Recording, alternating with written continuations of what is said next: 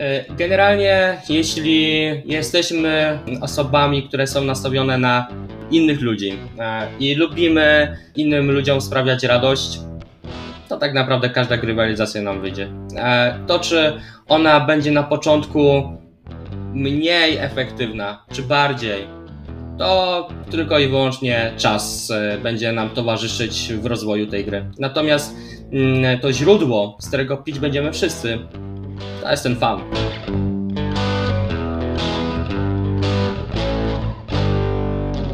Cześć. Nazywam się Tomek Miller, a to jest podcast Kaizen Miracle. Małymi krokami od pomysłu do zysku. Jestem certyfikowanym ekspertem badań Master Person Analysis. Badań, które pozwalają na wydobycie zespołów i menedżerów najlepszych ich zasobów.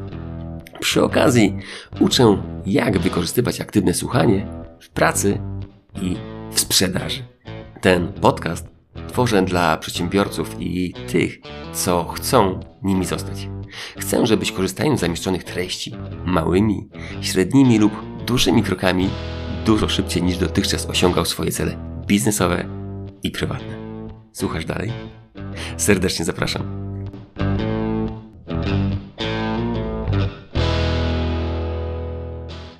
Cześć. Kiedy ostatnio grałeś w jakąś grę? Kiedy ostatnio grałeś grę na telefonie albo ze znajomymi w planszówkę?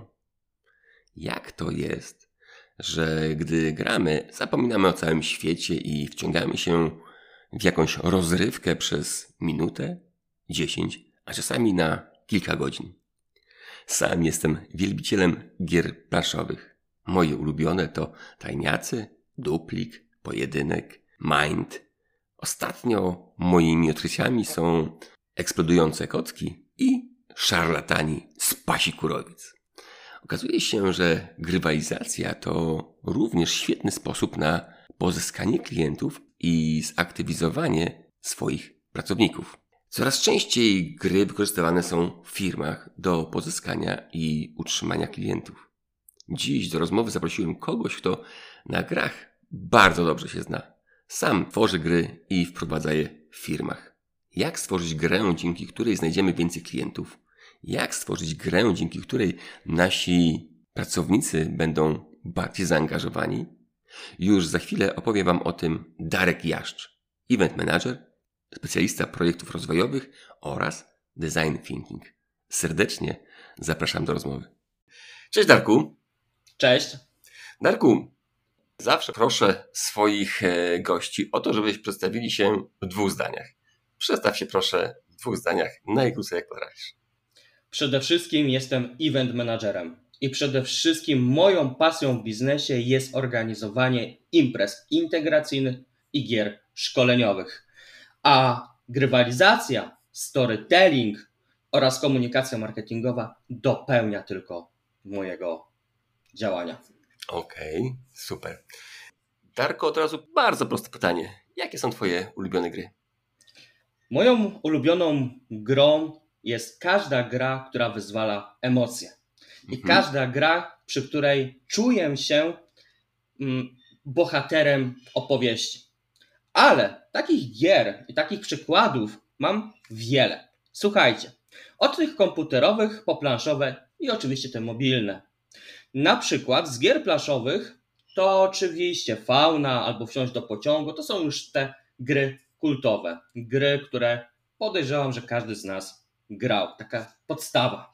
Mhm. Natomiast z tych gier komputerowych najbardziej pochłaniają mnie chyba gry jednak RPG i gry turowe, czyli Heroes, mm, Wiedźmin, Gothic, czyli wszędzie tam, gdzie musimy zdobywać, gdzie tworzymy społeczności, tam gdzie musimy walczyć o cele i o nagrody, chwałę i glorię. Hmm. Ale słuchajcie, gdybyście mnie spytali, od czego zacząłem, to ja myślę, że odpowiedzią byłoby to, że zacząłem od kółka i krzyżyk, albo też od państwa i miasta. Mhm. Pamiętam, że gry sami grałem mm, na przerwach w szkole i przyznam, że chętnie bym do niej czasami wrócił. Darku, wspomniałeś tu o kilku grach.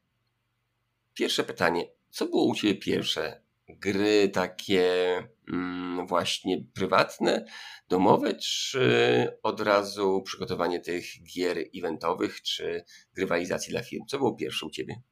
Zdecydowanie odkąd pamiętam, a pamiętam jeszcze lata młodzieńcze, chociaż dalej jestem młodzieńcem. E, mhm. To tak pół, pół żartem, pół serio. E, to oczywiście gry, w które graliśmy na podwórku, w które graliśmy w szkole. E, to były bardzo proste, często gry właśnie jak kółko i krzyżyk, jak jakieś gry na skakance, liczenie sobie punktów, nagradzanie się za to, mm, choćby na przykład z tabliczką czekolady. E, I to było takim wejściem do tego, co robię teraz mhm. na co dzień. Mnie gry i zawsze kojarzą z jakąś frajdą, przyjemnością. Powiedz mi, jakie jest najważniejsze pięć zalet gier? Przede wszystkim gry e, wyzwalają pozytywne emocje. I przede wszystkim w grywalizacji, poza tym wszystkim, o czym za chwilę powiemy, chodzi o fan, o dobrą zabawę. Bowiem jeśli odbiorca czuje e, dobre emocje, to jest to, myślę, że już sukces, a potem tylko trzeba dobrze go dalej poprowadzić w tym procesie. Mhm. Natomiast mm, gry również poprzez właśnie tą, mm, te emocje pozytywne zmieniają postawy, zmieniają nawyki, e, zmieniają przekonania.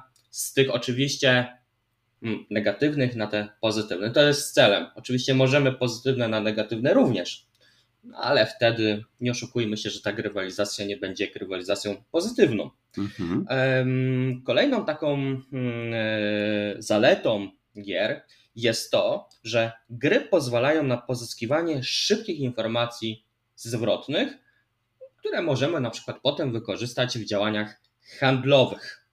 Pozwalają także budować i wzmacniać relacje z odbiorcami, dając poczucie więzi z nimi poprzez komunikację wspólną, czyli interakcję oraz prowadzenie z nimi systematycznych i skutecznych działań. Mhm. Okej. Okay. Darku, czy grywalizacja rzeczywiście pomaga w biznesie?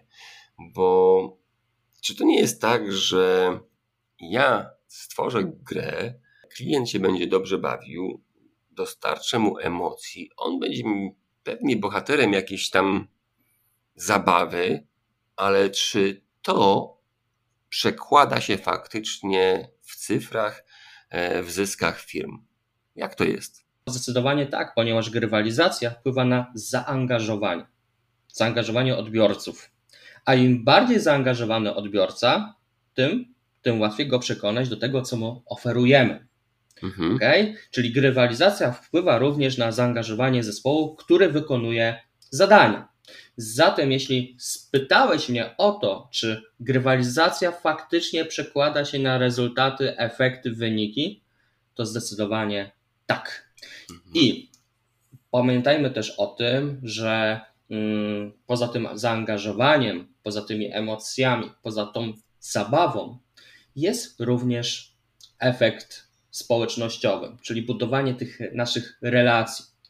A im bardziej jesteśmy, a może inaczej, im bliżej jesteśmy e, naszych odbiorców, naszych potencjalnych klientów, tym łatwiej jest ich do siebie przekonać. Mhm. Czyli tak, łącząc te dwa moje pytania, czy co gry dają, to mam wrażenie, że te trzy elementy, które o których tu mówiłeś, takie dla mnie, dla mnie najważniejsze są po prostu emocje, zaangażowanie i relacje, czyli zbliżają nas albo z naszymi współpracownikami, albo z klientami, tak? Tak, ale poprzez dostarczanie im wartości, informacji oraz przede wszystkim tej informacji zwrotnej, tego feedbacku, mhm. ponieważ możemy grać, ale kiedy gramy bez Mm, celu, mhm. to wtedy jakby grywalizacja nie za bardzo ma swoją sensowność. Możemy mhm. grać dla samego fanu, ale dobrze jest, kiedy w tej naszej opowieści uszyta jest ta konkretna ścieżka, na której my, jako bohaterzy tej opowieści, tego story, podążamy do czegoś konkretnego, a kiedy tam dojdziemy, to będziemy wiedzieć, co osiągnęliśmy, jak to osiągnęliśmy i co my możemy z tym osiągnięciem dalej zrobić. Mhm. Czyli żeby to była dobra gra, która mm, działa faktycznie, to po pierwsze musi mieć cel, który jest spójny z, z wizją firmy i z tym, co produkujemy, bądź co, co dajemy innym, albo z tym, co chcemy osiągnąć, tak? Dobra gra musi mieć cel powiązany z celem firmy, tak? Mm, dokładnie tak, ale mm, musimy mm, pamiętać również o odbiorcach, czyli fanach. I każda grywalizacja, dobra grywalizacja, powinna być przygotowana na podstawie wcześniejszych obserwacji, wcześniejszego, wcześniejszej analizy fanów. Czyli dla kogo te gry realizujemy. Mhm. To co powinna mieć dobra gra? E, dobra gra przede wszystkim powinna mieć swój cel. Mhm. Powinna mieć swoją narrację. Mhm. Powinna przede wszystkim mm, czerpać z mechanizmów gier, czyli na przykład pozwalać osiągać, pozwalać wchodzić na wyższe poziomy, pozwalać się rozwijać. Czyli każda dobra gra powinna również mieć tą przestrzeń do rozwoju uczestników, mhm. E, ponieważ nie możemy uczestników pozostawić na tym samym poziomie przez całą grę. Mhm. Uczestnicy muszą czuć, że się rozwijają wraz z postępami. I mm, to jest też bardzo kluczowe w grywalizacji. Mhm, czyli uczestnik musi czuć, że się rozwija, tak? Mhm. Mm, tak. I zarówno jak i w obszarze edukacji na przykład, gdzie grywalizacja bardzo mm, jest e, dobrze wykorzystywana, jak również w sprzedaży, jak również i u fanów w społecznościach, w których ta grywalizacja jest obecna. Okej. Okay. W których obszarach firmach gry się sprawdzają, a w których nie? Czy są takie obszary, które się nie sprawdzają? Ja myślę, że nie. To wszystko zależy od tego, mm, jak wykorzystamy grywalizację i e, jak ją zaprojektujemy. Mhm. Grywalizację możemy mm, wykorzystać zarówno w marketingu, możemy ją wykorzystać w HR, w HR-ze, mhm. możemy ją wykorzystać w sprzedaży. Mhm. Nie ma znaczenia. Znaczenie mhm. ma to, jak będzie ta grywalizacja, ta nasza gra wyglądać, jak będzie ona zaprojektowana, jakie mechanizmy będzie posiadała.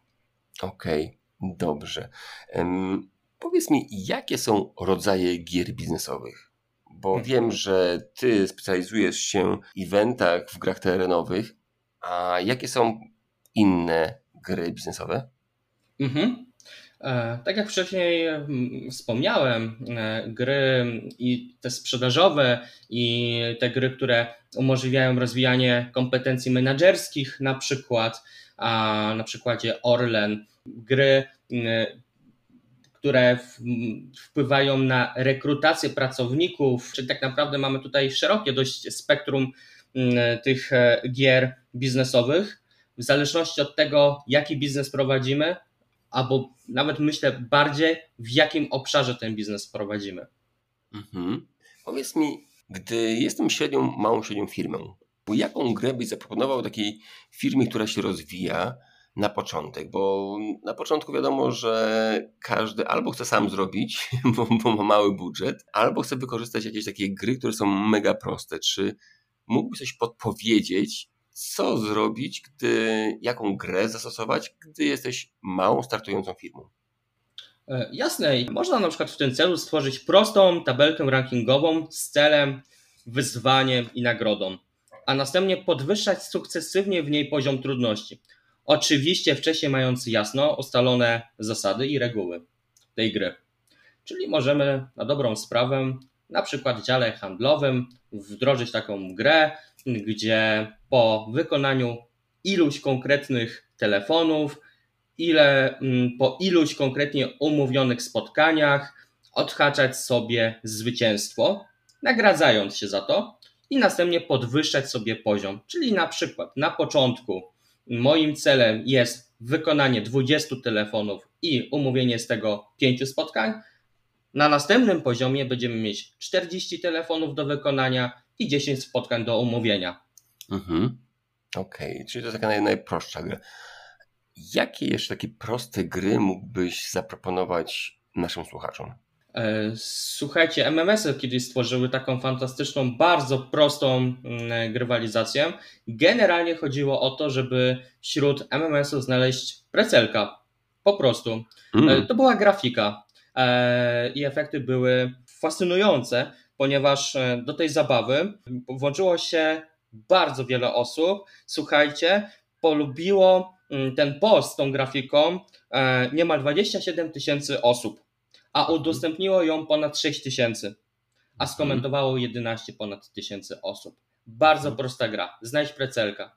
E, I mhm. na tej podstawie i na tej zasadzie możemy tworzyć gry, możemy angażować odbiorców działania. To też na przykład w mediach społecznościowych, e, w których e, mm, z racji jakby COVID-u byliśmy częściej niż zazwyczaj, a samo udostępnienie na przykład postu, skomentowanie, czy bardziej wywołanie tego efektu skomentowania, udostępnienia jest też grywalizacją.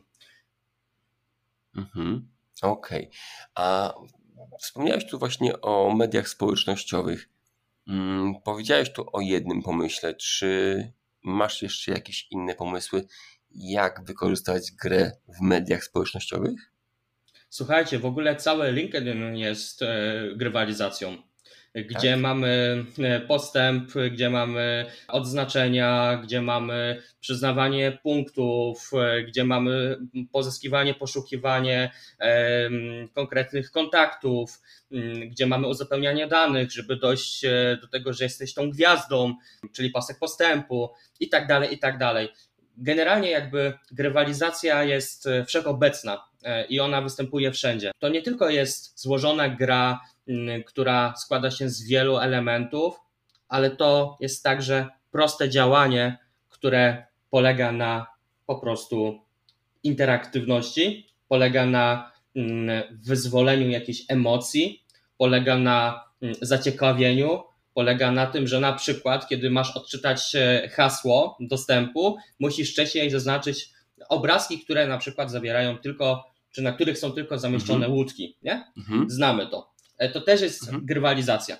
Ale grywalizacja jest to też na przykład element interaktywny na stronie internetowej, gdzie na przykład poruszasz się strzałkami, kursorem, jakąś animowaną postacią, więc tutaj możemy tak naprawdę wykorzystać wszystko po to, żeby tą grywalizację zrobić ciekawą i angażującą. Masz jeszcze jakieś przykłady takich gier, które albo robiłeś dla swoich klientów, albo gdzieś o których słyszałeś, bo myślę, że naszych słuchaczy na pewno interesują takie gry, które można bardzo szybko wprowadzić. I takie przykłady jeszcze z dwa, trzy, jakbyś podał, byłbym bardzo wdzięczny. Mm. Okej, okay. słuchajcie, u siebie w swoim e, centrum rozrywki zrobiłem koło fortuny. I moje koło fortuny polegało na tym, że uczestnicy mogli nim zakręcić w celu wylosowania nagrody. Mhm. Bardzo fajny pomysł do tego, żeby uczestnicy byli zaangażowani i zapamiętali, ale również podzielili się tą informacją, tym doświadczeniem z innymi. I tak na przykład zaczęły przychodzić do mnie inne zespoły, pytając, a czy my też będziemy mogli zakręcić tym kołem fortuny. Mhm. I nawet jeśli zespół nie wygrał na przykład kolejnej atrakcji, Mhm. to zespół miał po prostu zakodowane, że tam można było wygrać fajne nagrody i jedna z grup wylosowała, że musi przyjść kolejny raz. To jest ich jakby nagro nagroda w postaci trochę takiego obowiązku, takiej kary, chociaż nie chcę tutaj mówić tej kary, natomiast no, faktem jest to, że albo wygrywasz, albo przegrywasz. Natomiast oni mieli tyle z tego fanu i tyle z, tej, e, z tego zakręcenia tym kołem radości, że powiedzieli, jasne, pewnie przychodzimy. Więc mm, faktycznie bardzo prosta sprawa, koło fortuny, bardzo proste rozwiązanie. Ale na przykład programy lojalnościowe. Słuchajcie, zbieranie punktów, które następnie możemy przełożyć na nagrody.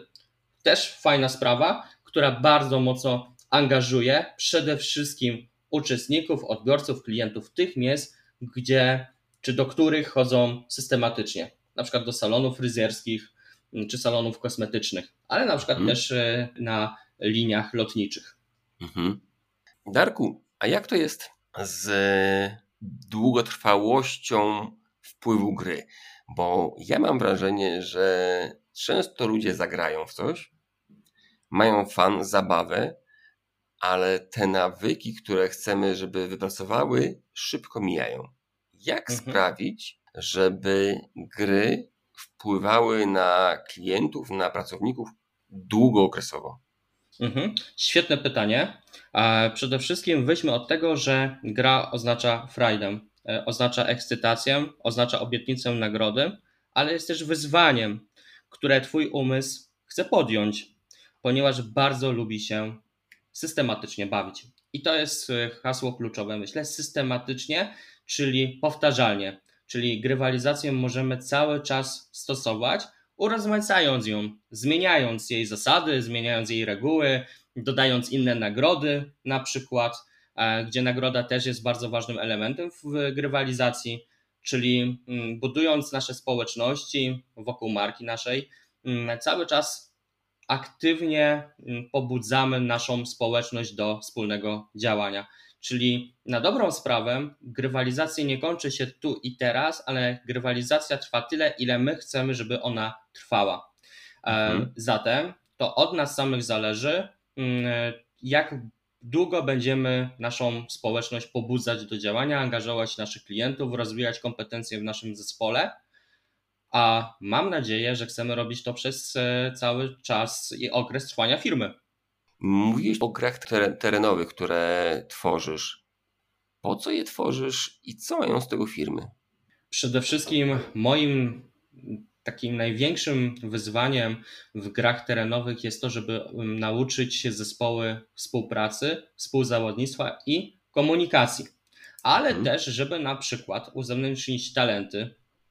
Czasami są one ukryte, a czasami okazuje się, że mm, uczestnicy je posiadają. E, a one dopiero jakby uzewnętrzniają się podczas innych zadań niż te rutynowe wykonywane w mm, swoim obszarze codzienności, codziennych działań. Mm, ale to też e, jest e, taki efekt, gdzie mm, uczymy odpowiedzialności za zespół, ale też uczymy jakby tej podstawy lidera, czyli zarządzania zespołem, ale też tego, żeby zespół uważnie słuchał lidera i też siebie wzajemnie. E, mhm. Zatem gry, e, które ja tworzę i które ja realizuję, bardzo często mają przełożenie na rozwój tych kompetencji miękkich, menedżerskich, zespołowych, ale są też powodem do dobrej przy, tej, przy tym zabawy, e, dania takiego fanu.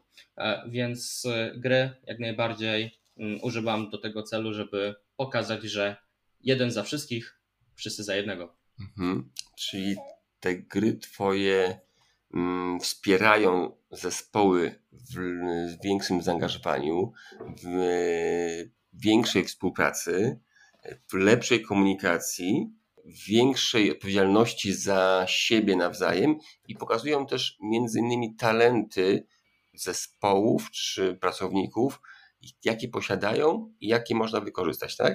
Dokładnie w ten sposób. Dobrze. A czy są takie gry telerenowe dla, nie wiem, dla klientów? Bo to jest, rozumiem, że budujemy pierw zaangażowanie w swoim zespole, nie? A czy też są takie odmiany właśnie, że tworzymy grę dla klientów i klienci się bardziej identyfikują z naszą firmą i wtedy bardziej chcą kupować nasze usługi. Jasne, że tak. Faktycznie jest tak, że gry miejskie, gry zadaniowe, gdzie na przykład mamy nawiązania do marki, gdzie mamy elementy, które identyfikują się z tą marką, gdzie mamy mm, możliwość odkrywania tajemnic na przykład firmy, gdzie mamy oczywiście nie finansowych, tylko na przykład historii mm, firmy, gdzie na przykład mamy możliwość gry Mm, jakby angażującej publiczność, e, otoczenie graczy w końcu mm, w wspólne działania w obrębie tej naszej marki, w obrębie naszych usług, w obrębie naszych e, produktów, e, gdzie na przykład stworzyliśmy na torze wyścigowym mm, escape room, jednym z boksów samochodowych, gdzie gracze musieli rozwiązywać zagadki związane z mm, motoryzacją, żeby móc na samym końcu otrzymać kluczyki do Mercedesa, którym mogli wyjechać na tor wyścigowy. Oczywiście tym Mercedesem nie wyjechali, Mercedes inny czekał na torze wyścigowym, natomiast to była taka symbolika, mhm. ale wszystkie elementy były dopasowane do marki. Nie mogę tutaj zdradzić dla której, ale wyobraźcie sobie nawet, że e, lina służąca do zadania musiała być w kolorach marki. Więc e, faktycznie od samego początku do samego końca wszystkie elementy używane w trakcie tej gry miały odniesienie bezpośrednie do marki. Okej, okay. dobrze.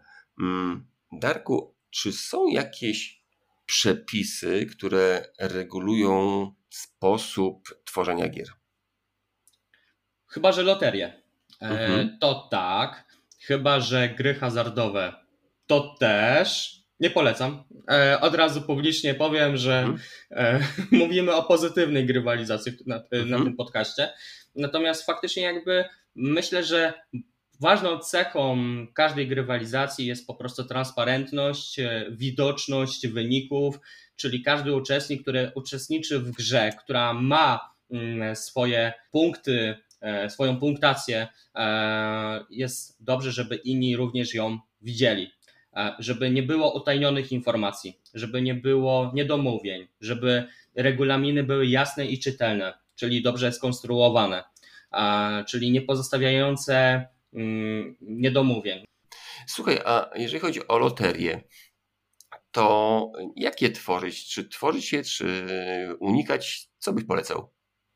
Trzeba przede wszystkim iść e, zgodnie z prawem i e, uważać na przede wszystkim regulaminy, czyli dobrze jest je skonsultować wcześniej z e, kimś od prawa. Natomiast takim jednym z przykładów dość ciekawych było to, że na jednej ze stron internetowych agencji eventowych mojego znajomego było zdjęcie, na którym były karty do pokera. No mhm. i tutaj pojawiła się kara finansowa za to, więc y, trzeba uważać. Jest, y, jest to wrażliwy temat. Darek, a co myślisz o loteriach? Czy one dają jakiś zysk firmom? E, powiem Ci, że wolałbym tego tematu nie poruszać. E, są prawa, są obowiązki, są regulaminy. Zatem jeśli ktoś chciałby korzystać z tych loterii, to na początku musiałby z pewnością zapoznać się z prawem. I to tyle ode mnie. E, każdy jakby podejmuje decyzję w własnym zakresie. Mówiłeś tu o grze, mówiłeś tu o pewnych mm, zasadach, które gra powinna mieć. Na pewno transparentność, dobry regulamin, przejrzysty. E, gdybym był takim początkującym Gdybym chciał stworzyć pierwszą grę, to co jeszcze powinienem zrobić, żeby ta gra była dobra i żeby wciągnęła moich klientów, tak jak powiedział, że jak powiedziałeś kiedyś, że e, żeby stworzyła z niego bohatera mojej gry, nie? Żeby stworzyć bohatera i żeby stworzyć e, ciekawą grę, to potrzebujesz narracji, a bardziej potrzebujesz historii. Mhm. Historia, która będzie towarzyszyć ci mm, w czasie gry, twojej gry, twojego mhm. bohatera. Mhm. Zatem opowieść, story, narracja, po pierwsze. Po drugie, interakcja. Po trzecie, cel. Po czwarte, celem może być nagroda. Albo dobrze byłoby, żeby zawsze była nagrodą. E, nawet jeśli mielibyśmy mówić o uciśnięciu ręki pana prezesa to też będzie dobrą nagrodą. Okej, okay, dobra. Czyli już mamy pięć elementów, które powinna mieć dobra gra. A powiedz mi, czy miałeś kiedyś porażki growe? Czy stworzyłeś gry, które ci nie wyszły? Czy może się tym podzielić?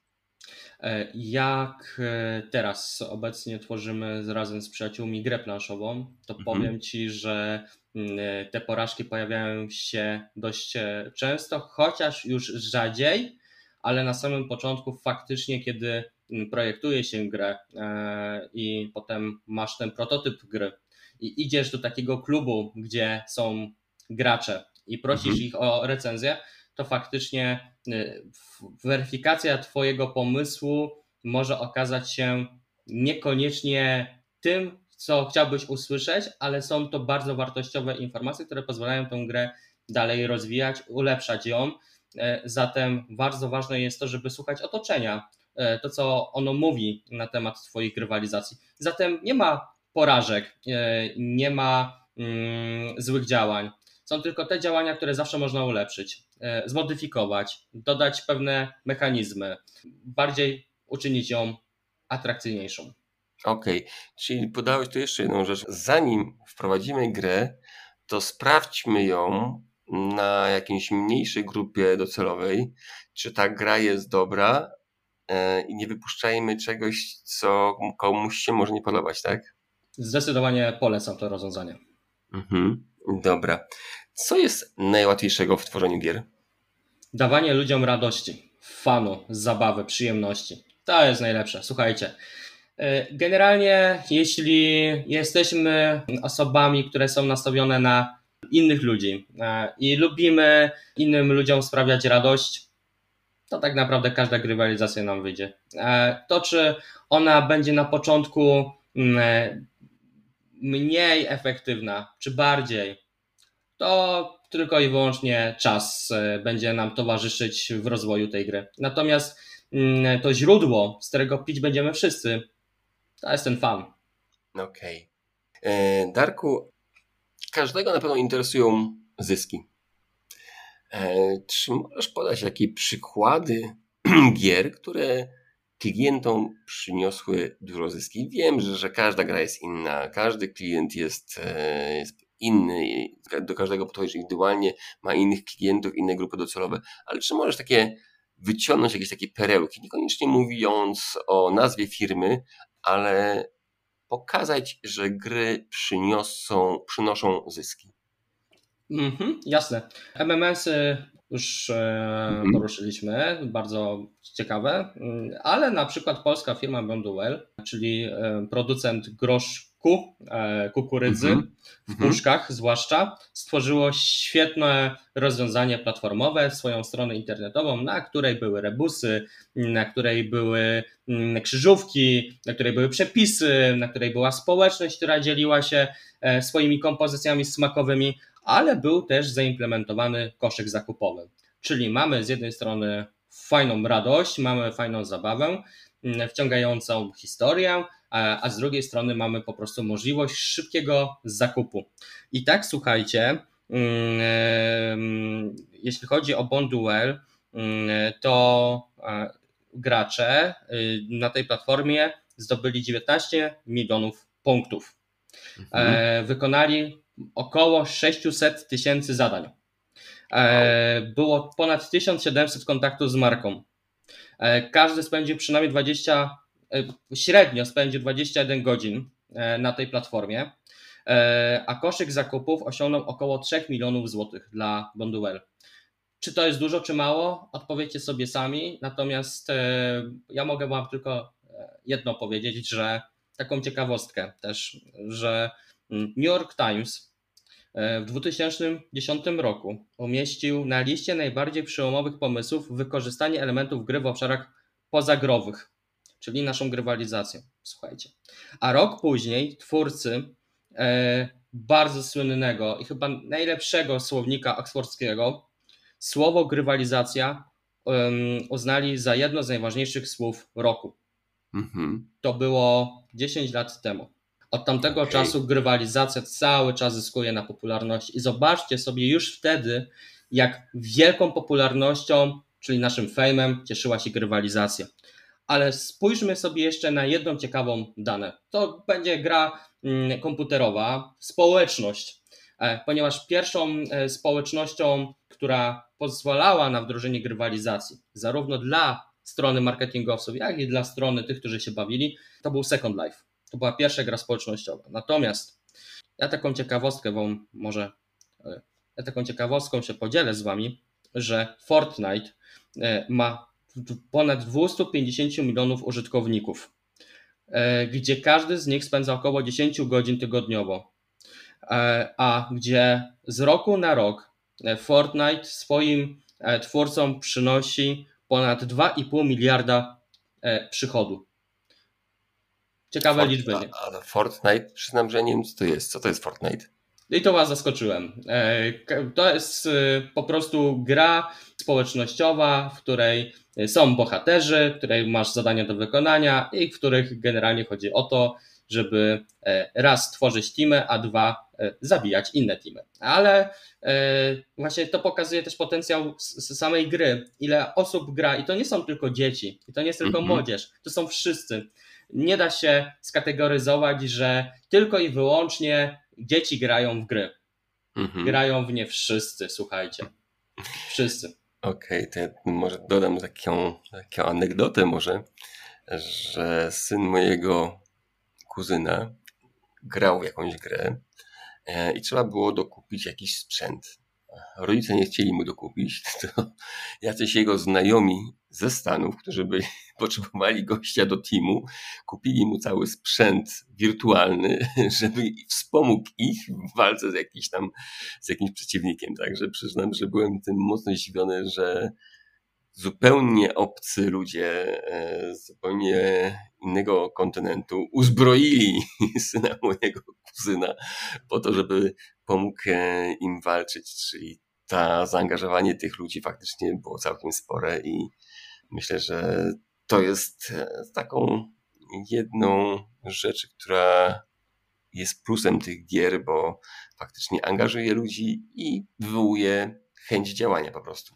Słuchajcie, na przykład stworzyłem kiedyś e, razem ze swoim zespołem taką grę polegającą na rekrutowaniu mm, do zespołu IT uczestników. Ale generalnie chodziło o to, że ta gra czy ta rekrutacja miała swoje mm, dwa, dwa takie pola działania. Pierwsze moje i drugie to było już spotkanie bezpośrednie z osobą rekrutującą w, już w biurze tej firmy ale moje działanie polegało na tym, że wszyscy chętni e, mogli wejść na specjalnie przygotowaną platformę, żeby łamać szyfry, kody, zabezpieczenia itd., tak itd. Tak po prostu były określone cele, określony czas na wykonanie tych zadań mm, e, i najlepsi, którzy, którym udało się zdobyć największą ilość punktów, czyli złamać jak największą ilość haseł i tak dalej, i tak dalej, i tak dalej, w jak najszybszym czasie, mm, otrzymywali nagrodę w postaci wizyty w biurze tej firmy.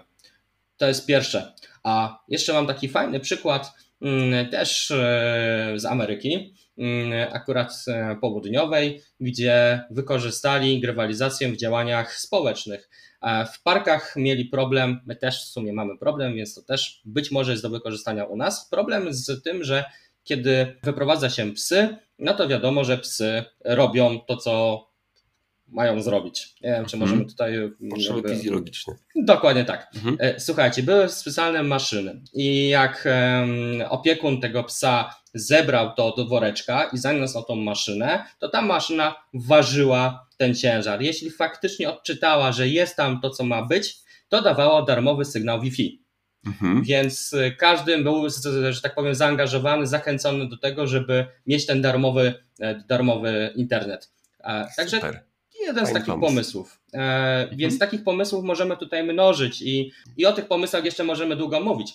A natomiast faktycznie, m, mm, tak jak e, Orlen na przykład, gdzie menadżerowie musieli, m, mm, czy mieli za zadanie budowanie turbin e, na morzu, gdzie uczyli się rozwoju kompetencji menedżerskich, typowo menedżerskich, już e, tego wyższego szczebla. Więc grywalizacja może być prostą grą jak Fortnite, która po prostu dostarcza rozrywki, ale może służyć również e, temu, żeby rozwijać kompetencje już nie tylko te miękkie, czyli jakby odnoszące się do ogółu, ale również te specyficzne mm, i te branżowe, typowo branżowe zdolności, umiejętności, skille. Okej. Okay. E, jeszcze ostatnie pytanie. Co jest najtrudniejszego w tworzeniu gier? Dopasowanie gry do wszystkich uczestników i umiejętne jakby śledzenie tego, co dzieje się z tymi uczestnikami w trakcie gry, czyli wydobycie z gry informacji zwrotnej, którą można przełożyć e, i przekazać e, e, uczestnikom. Natomiast słuchajcie, nie ma trudnych rzeczy tak naprawdę w grze. Jeśli ktoś zamiłowania je tworzy, to tak naprawdę to jest tylko i wyłącznie przyjemność. I mm, te trudne rzeczy, one są cały czas poddawane oczywiście pewnej weryfikacji, zmianom, ulepszeniom i tak dalej, i tak dalej, czyli poprawie. Natomiast gdybym ja miał osobiście powiedzieć, co jest dla mnie trudnego, chyba nie ma takiej rzeczy. Mhm. Darku, jeszcze tak jedna rzecz mnie ciekawi. Nie pytam Cię o Twoje stawki, ale tak e, ile taka prosta gra, która mm, wciągałaby moich klientów, kosztuje na rynku? Mhm. Ceny są bardzo rozbieżne mm, i są uzależnione od, no tak jak wspomniałeś, od tego, jaka to, to jest gra, mm, mhm. ile mechanizmów zawiera w sobie, kto ją stworzy, mm, jaki zespół, czas trwania i tak dalej, i tak dalej. Mhm. Jak e, sami pewnie przypuszczacie, tych elementów, które na to się składają, jest mnóstwo. Natomiast bardzo prostą grę można stworzyć na kartce papieru, E, za pomocą długopisu, czyli pójść do sklepu i zrobić zakupy za 10 zł e, i mhm. też stworzyć fajną grę. E, I też grę, która wciągnie i zmotywuje i pobudzi do działania i wyzwoli fajne emocje. Więc ach, nawet słuchaj, powiem ci, że nawet za darmo da się taką grę stworzyć. Mm, Darku, domyślam się, że tych gier jest multum. Tak jak mówiłeś, mogą być to gry e, internetowe, mogą być to gry terenowe, mogą być to gry marketingowe. A z takiego Twojego przykładu, ile taka gra jedna terenowa kosztuje na rynku? To nie pytam się o Twoje stawki, ale pytam Cię tak ogólnie, ile może taka gra kosztować? Słuchajcie, przede wszystkim jeśli mamy zespół na przykład składający się z przypuśćmy 25, 20, 30 osób, to że jest dobra grupa, z którą można przeprowadzić dobry team building, e, to na jedną osobę oczywiście tutaj dochodzą koszta związane z logistyką, mm, zakwaterowaniem, wyżywieniem, no natomiast za samą grę to jest około 200-300 zł za uczestnika, to już możemy zacząć myśleć o czymś fajnym, o czymś mhm. takim, co e, złapie i wywoła ten efekt wow. O ile jest dolna granica, jak sami pewnie przypuszczacie, o tyle górnej granicy nie ma i możemy zrobić grę za 1000 mhm. zł, za 2, 10 od uczestnika. Gra, rozumiem, że to trwa cały dzień, tak? Jedna gra. Y, właśnie. I tutaj poruszyłeś jeszcze jeden ważny element. Element polegający na długości gry. Ponieważ nie każda gra toczy się przez cały czas. Ale na przykład taka gra terenowa dobrze jest, aby była mm, w, w ramach czasowych pozwalających uczestnikom na pełne zaangażowanie się w działanie. Jeśli stworzymy zbyt długą grę, zbyt ich zmęczymy, a jak ze zmęczeniem przychodzi już nie ochota na działanie, tylko przychodzi już awersja do działań. Dlatego dobra gra to 2-3 godziny czasu, mhm. potem robi się zmęczenie i to nawet nie mówimy o umysłowym, tylko już takim fizycznym zmęczeniu, a fizyczne zmęczenie nie wpływa dobrze na satysfakcję i czerpanie Mm, pozytywnych emocji z działań. Dobra, Darku. Dziękuję Ci za tą rozmowę. Mam nadzieję, że kilku słuchaczy dowie się albo zachęci się do tego, żeby wprowadzić grę w swojej firmie. Darku, jeszcze jedno pytanie. Gdzie Ciebie można znaleźć? Możecie znaleźć mnie w internecie www.dialogmożliwości.pl albo agencjalizard.pl, ale możecie też mnie znaleźć we wszystkich mediach społecznościowych, na Instagramie, na Facebooku i na LinkedInie. E, to ostatnie polecam najbardziej, a na Instagramie uwielbiam być i tam też grywalizować e, za pomocą kultury obrazkowej. Super. Darku, bardzo dziękuję Ci za rozmowę. Do usłyszenia do zobaczenia, a może do zagrania w jakąś grę. Będzie mi bardzo miło, bardzo Wam dziękuję za e, wspólne wysłuchanie nas e, i do usłyszenia, do zobaczenia. Cześć. Cześć.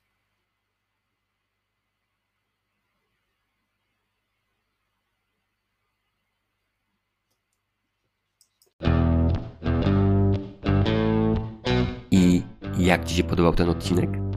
Jeżeli coś Ci się spodobało, choć jedna rzecz i uważasz, że jest ona dla Ciebie ważna, to znajdź szybko zeszyt lub telefon i zapisz to sobie.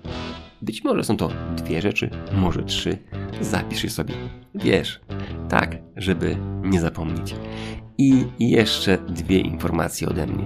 Pierwsze, jeżeli podoba Ci się ten podcast i uważasz, że to, co robię, jest wartościowe dla Ciebie i dla innych, to zapraszam do grupy patronów. Ty też możesz nim zostać. Będzie mi bardzo miło, jak docenisz to, co robię.